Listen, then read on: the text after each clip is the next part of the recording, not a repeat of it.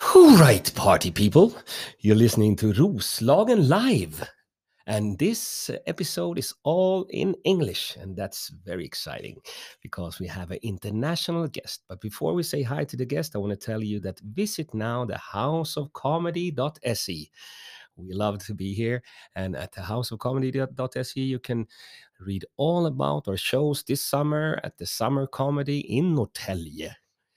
Also visit uh, roslagenlive.se because there we have all our podcasts, all our, our live events, and lots of other stuff. But now it's time to say hi to our guest, Mr. Chris Collins. Welcome to the studio. How are you, sir? I'm fantastic. Thank you so much. Welcome to Norrtälje. Thank you. I love it. Actually, I love all of Sweden. I love coming here. I love the people, I love the country. I especially love the north, as we spoke about. It's Yeah, and we're going to talk a lot about the north because my, my family comes also from the north of Sweden. But tell now our listeners, they want to know who is Chris Collins? Who are you? Who am I? Wow. That's a big question. I, I'm just a guy out there, just you know, searching for himself, trying to figure his way out, his path through life, and it happened to be through martial arts. You Mhm. know, um, I grew up in the states, and then found myself moving overseas into Hong Kong at an early age, around twenty, uh, in search of kung fu. I was a huge Bruce Lee fan, obviously. That's funny because we have the Bruce Lee poster. It's right next to me. He's staring. I'm ready. you know, I'm doing. I'm following. what, what was your first your first kung fu exp- or your first martial, Martial art arts. uh, Well, experience? My my dad made us made me and my my older brother start boxing at the age of five. So actually, I was not interested in kung fu or different types of martial arts at an early age. It was always boxing and wrestling. That was the common thing in the household. And I would say it didn't happen until, gosh, late high school when I had friends that would do kung fu. And they would want to do the kung fu stuff, but I would just do my boxing and wrestling. And I would say that that doesn't work. And then later, when I joined the Marines, I was out in California and then I ran into an old man at the park because we would have our leave every weekend. Mhm. And you know, you go to the park, you hang out, hit the mitts, do whatever you want, get tattoos, get tattoos, go to strip clubs, get blitzed out of your mind, get lost in Mexico, and then occasionally go to a park and do martial, you know, do some boxing. And I met this old guy there. I didn't meet him at first. I just watched him. He'd be over by the park bench and and he was doing these movements and I had no idea what they were. And one day I just walked over to him and I said, you know, what are you doing? Looks really interesting. And he explained that he was doing Wing Chun.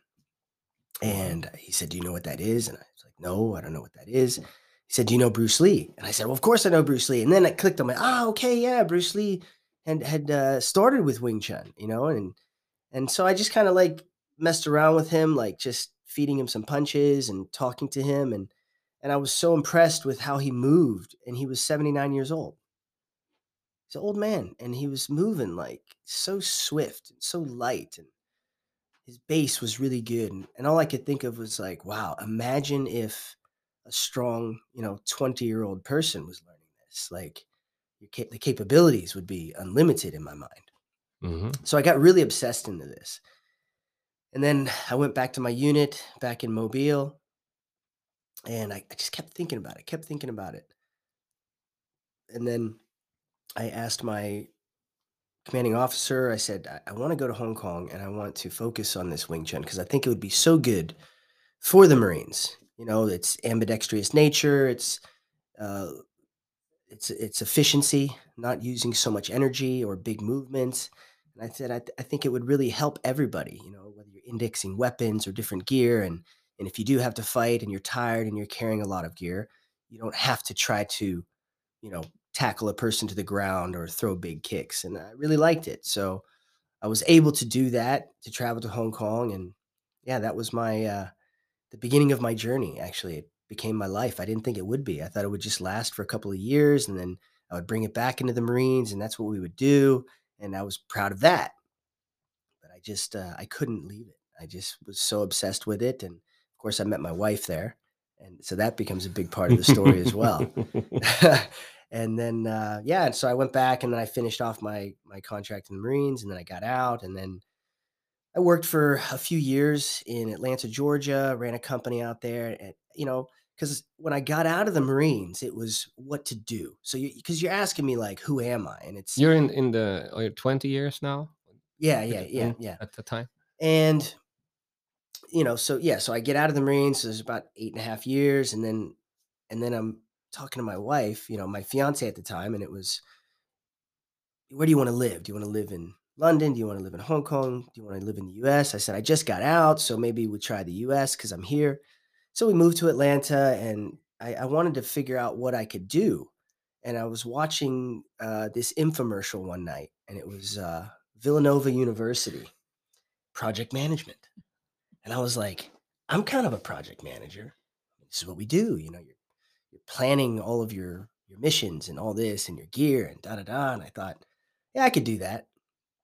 And so then I, I quickly went through and, and took my course in project management. Then I opened up a company in Atlanta, and it was successful. Everything was great. You know, making good money, uh, but it just it didn't feel right the moment we had our son Nicholas because I was doing my martial arts in my garage. I was, you know, I'd teach a few people, but it wasn't like it was a hobby. And I was like, this, I'm I'm too good at this. I love this. Like this is my passion. What am I doing?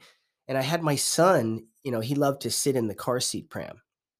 Mhm. And I turned my garage into this workout area. So I had the mats, I had the weights, I had the punching bags and all this stuff.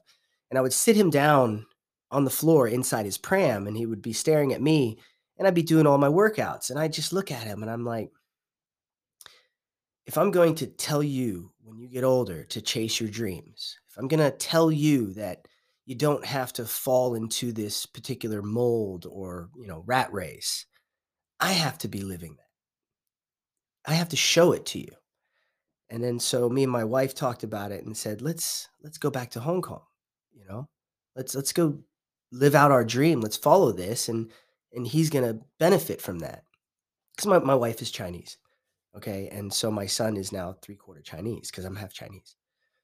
And th- I think that was the best decision that we've ever made, you know, and it was it was a decision made for him that ended up also benefiting us. Mhm. And this was 20 years ago. Yeah, I mean, you know, I I got out in 04 and then ran the company until 08 and then moved moved back to Hong Kong in 08. Mhm. Yeah. Do you have any regrets leaving the US? No, because I want to see the world. I want to travel. And martial arts has become my vehicle to see the world, to to meet people from all over the place, experience different cultures.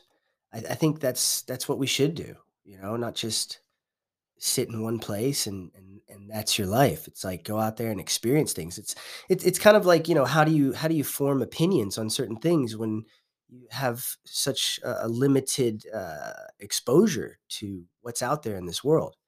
you know Mm. and I, I think i learned the most from that it opens up my martial arts it gives me new ideas i'm more creative i talk to people from all walks of life you know the, i mean this whole week you know uh, staying with my my student uh, simon and like all of our breakfast conversations were about quantum physics quantum mechanics and how it related to the wing chun system you know because I'm, I'm really into the science of it. And uh, just talking about that like every day you know you're able to meet just fascinating people or you being a, a stand-up comic and knowing that that's one of my passions is to be able to Don't- that one don't, uh, day turn, don't turn the tables oh here. shit You're talking about you. But Okay. one one thing that I I've forgotten uh, always when I do these type of podcasts, when I have one guest, I never have uh, my my favorite sidekick with me, and I haven't introduced my favorite sidekick. oh yes that's right and it's that's the right. Marlin Butler. It is. Is it okay to be here, Marlin? Yes. Is it interesting? Yes, it is. I, I have no idea what you're talking about, but I like it. It's really inspirational. fantastic Yeah, Yeah. but you have your questions, and they are more about what? Well, I think it's kind of interesting with the Marines that you've been in a Marine. Did you go back to the Marines? Yeah, I, I mean, I had to finish my contract. Yeah. Yeah.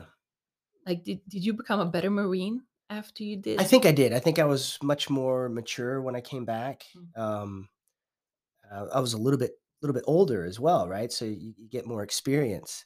Um, yeah. So for sure, I think I was a better Marine. I was more clear in my mind. You know, I, I really enjoyed it. Actually, it was probably the the biggest growing experience of my life, and I'm, you know, I'm so blessed and so thankful that I did that.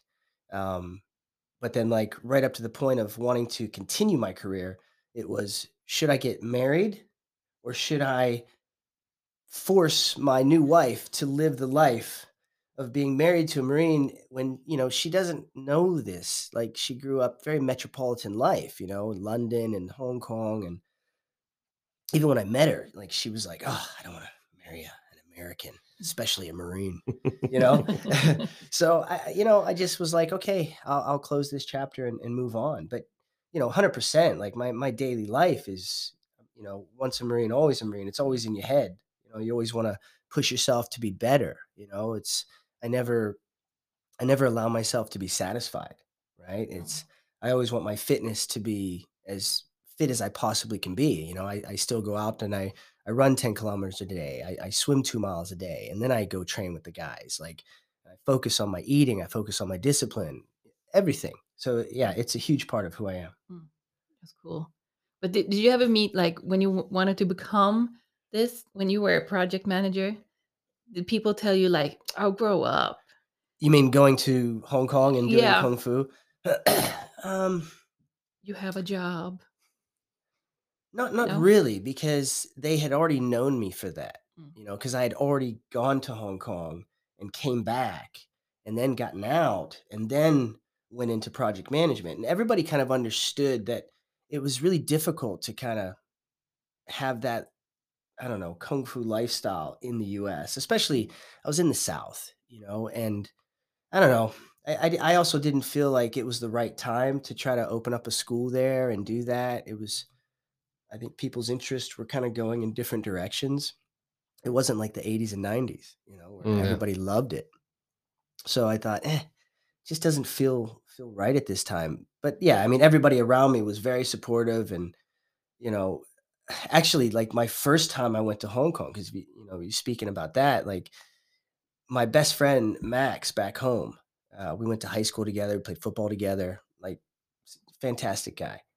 And when I first told him that I wanted to go to Hong Kong and do this, like we were sitting in his blue Ford pickup truck, you know, smoking weed and looking at Bruce Lee books. And I said to him, I'm not just going to read about this stuff. I'm not just going to talk about it. I'm going to go there. I'm going to the source. I'm going to do this. And he was he was so supportive to me because I was also doubting myself like, oh gosh, what am I thinking, you know? But he was like, dude, do this. Like you know what you want to do in life. Do it now because we can make mistakes when we're young and then fix them, you know, but as we get older, fear creeps in because you don't want change. You Mm. just want everything to be the same. Comfort. You want comfort and you don't want to take risk. So when you're young, like go out, do it, make mistakes, try something, and then do another one. Like you're gonna make more mistakes, you're gonna fail more than you're ever gonna succeed. But the, you just need that one success, Mm. and it lets you know that okay, I, I can do this. I can keep going. So yeah, um, everybody was very supportive. Cool. Mm. That's awesome. So let's go to Hong Kong, Oh, right. Hong Kong City. and but 20 years ago, how was Hong Kong back then? That When was it was first came? amazing. Like when I Mm. first arrived to Hong Kong, it was in the Kai Tak Airport, which is no longer an airport. You know, now it's it's switched. But so that was uh, it- definitely an experience. You know, I remember I, I just had these two old 1970s suitcases. One was red, and the other one was blue. It was terrible. Um, but yeah, I just remember arriving at the airport. Just it was madness. There were so many people because I'm used to just you know you're not surrounded by so many people and then all of a sudden you land in this huge city not to mention when you land it it looks like you're about to crash into the buildings at that airport because you went right into uh, Kowloon City um but it was it was definitely um eye opening for me because growing up in the US I was seen as Chinese to everyone right? So you Mhm. develop very thick skin, obviously. Um, I, I- but you know, I was always very proud of who I was, who I am. But then when I went to Hong Kong, I was like, I'm coming home. This is my homeland.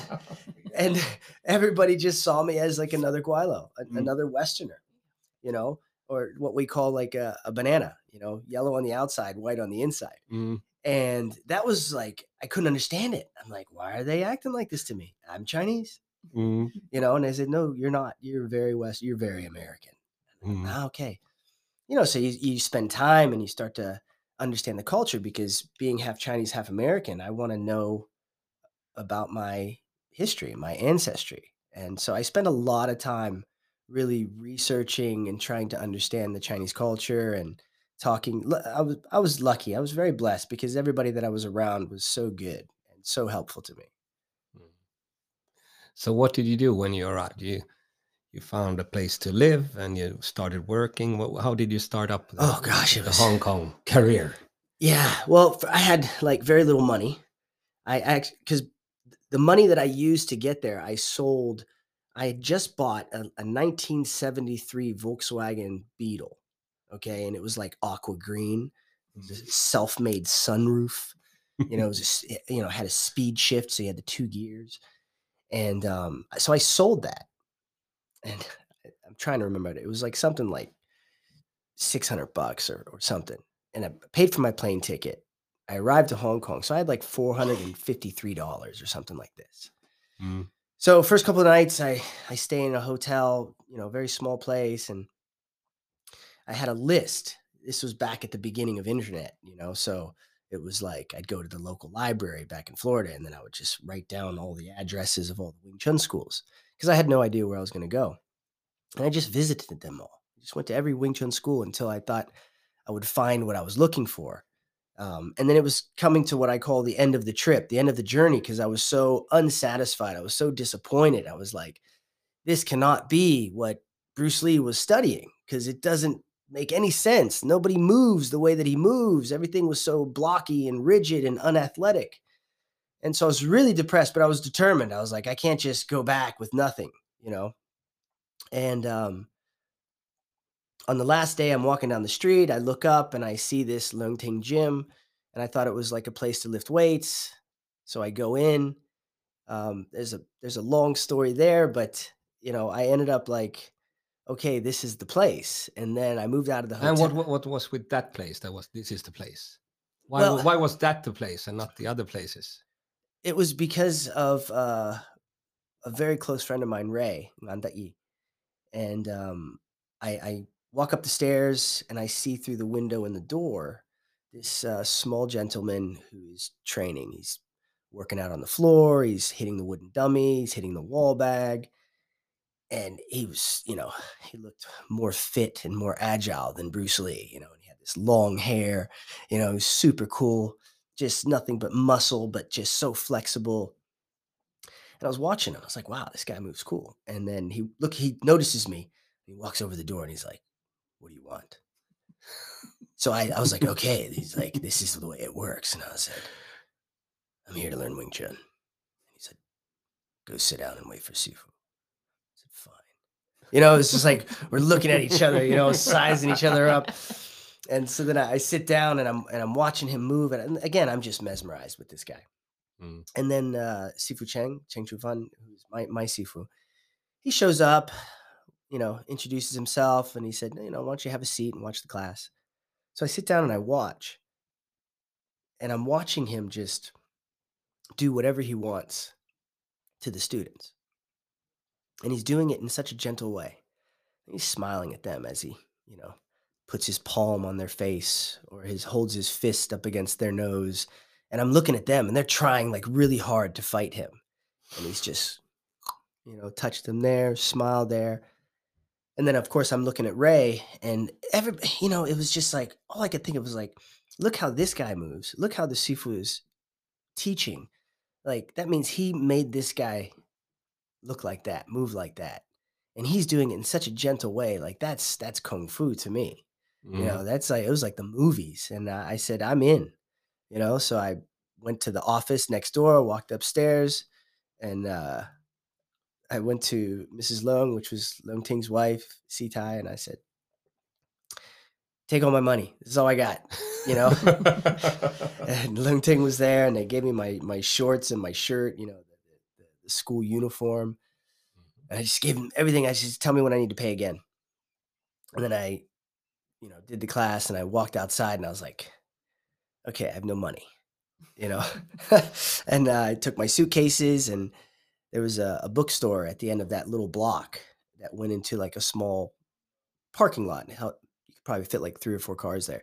But behind the the bookstore was like this small little alley, and I would put my suitcases there, and I, I would sleep there. And I stayed like that for quite a while. And then uh, then I realized that uh, one day I, we had finished class, and I was in the bathroom. It's like a very small bathroom inside the gym. You know, the, the time we you, pull the string and you get Mhm. water. And I was about to walk out, and then all of a sudden I hear the last student and my sifu closing the door, shutting the lights off and closing the door. And I was about to come out, and I was like, "Hmm, nobody knows I'm here. So I just stayed there for a minute. I was just thinking, okay, they're not coming back. And then I went out of the bathroom, turned the lights back on, and I kept training. And I ended up sleeping there for a number of months. And I thought nobody knew. Like I would sleep there. I would leave when I was done training in the morning and then, you know, go do whatever. And then I would come back when there was a class and be like, oh, hey guys, you know. uh, but I was like infamous for always like breaking the sandbags and breaking the wooden dummy arms because I would be training there so much. And Mhm. then all of a sudden, you know, the day came where I would open that front door to the school and there would be like a new wooden dummy arm and then a new bag of sand and a sandbag. Mhm. And I looked at it, I thought, "Hmm, what do I do with that? Uh-huh. So then I would fix the sandbag, I'd fix the wooden dummy arm, and nothing was ever said, you know? So I was always very grateful, you know, that they they knew I was there, but they didn't do anything because Mhm. they knew that I was so dedicated to my training. Like this is all I wanted to do. I just did it all day long. Um, and then, you know, so I was still unemployed. I had no money. Like I'm going to the the local canteen, which was like right next to that bookshop. So I would spend hours in the bookshop basically, and I would fall asleep. Like I would just I'd be looking at kung fu books and just pass out. Then I go around back and fall asleep properly. Um, but I would go to the canteen in front of it, or next to it rather, and I would just drink the tea because they would give you free tea, you know, when you sit down. And I would just drink that, drink that, and drink that, so I would have energy. And then I would listen to all the locals, you know, talking in the local language of Cantonese. And I was like, okay, this is how I'm going to learn. It was like, I'm going to figure this out. And I would listen usually to like two old men because they could talk a lot, like machine guns. And uh, I finally got up enough courage to like pull up a stool and sit next to them. And I would practice my Cantonese. And they would like, in the beginning, they would just ignore me. And then eventually I'd meet a couple of nice guys and they would start to talk to me. And then that's how I started to learn my Cantonese. And then I would like demonstrate with my arms, like a punch or a kick or a bong sao and different things. And like, and they would teach me how to say it. And then I would go back to Kung Fu class and then I would ask my Sifu questions, you know, and he'd be like, Oh, where you learn this? I was like, ah, I pay attention. so that was that was really uh, it was such a fantastic experience. And one day, um, I'm I'm I'm walking through Tsim Sha Tsui, which is like another district, like two districts down, and I'm passing a Hard Rock Cafe, and uh, I see a gentleman there in, in front, and we just start talking. He's he's like one of the security guys, and then he helps me get work. So that was I was able to finally get some work and make some money so I could have a roof over my head, have some hot food, you know. So that was that was amazing. That was that was several months in because I was so close to just giving up several times, you know, especially you know being in those classes in a very traditional setting where I'm like the only westerner Mhm. and I was like, what am I doing? Standing in front of the mirror doing these arm postures and holding this horse You're the, you're the banana in the class. Yeah, yeah, you know? were the banana. Hundred percent, and uh, so that was really hard to break through. But eventually, being able to break through all of that and then just become one of the guys. That was uh, that was very special. For the first time in Roslagen Live's podcast history, we're gonna we're gonna have a small break because now we, now I feel we're halfway into the story. Yeah. Because after this, you you finally made made your break. You got your first job. What what was your first job? a bouncer, A bouncer, of course. Yeah, And you got into the club with the other guys, yeah, yeah. not being the banana. Not what? Yeah, not being the banana. Yeah.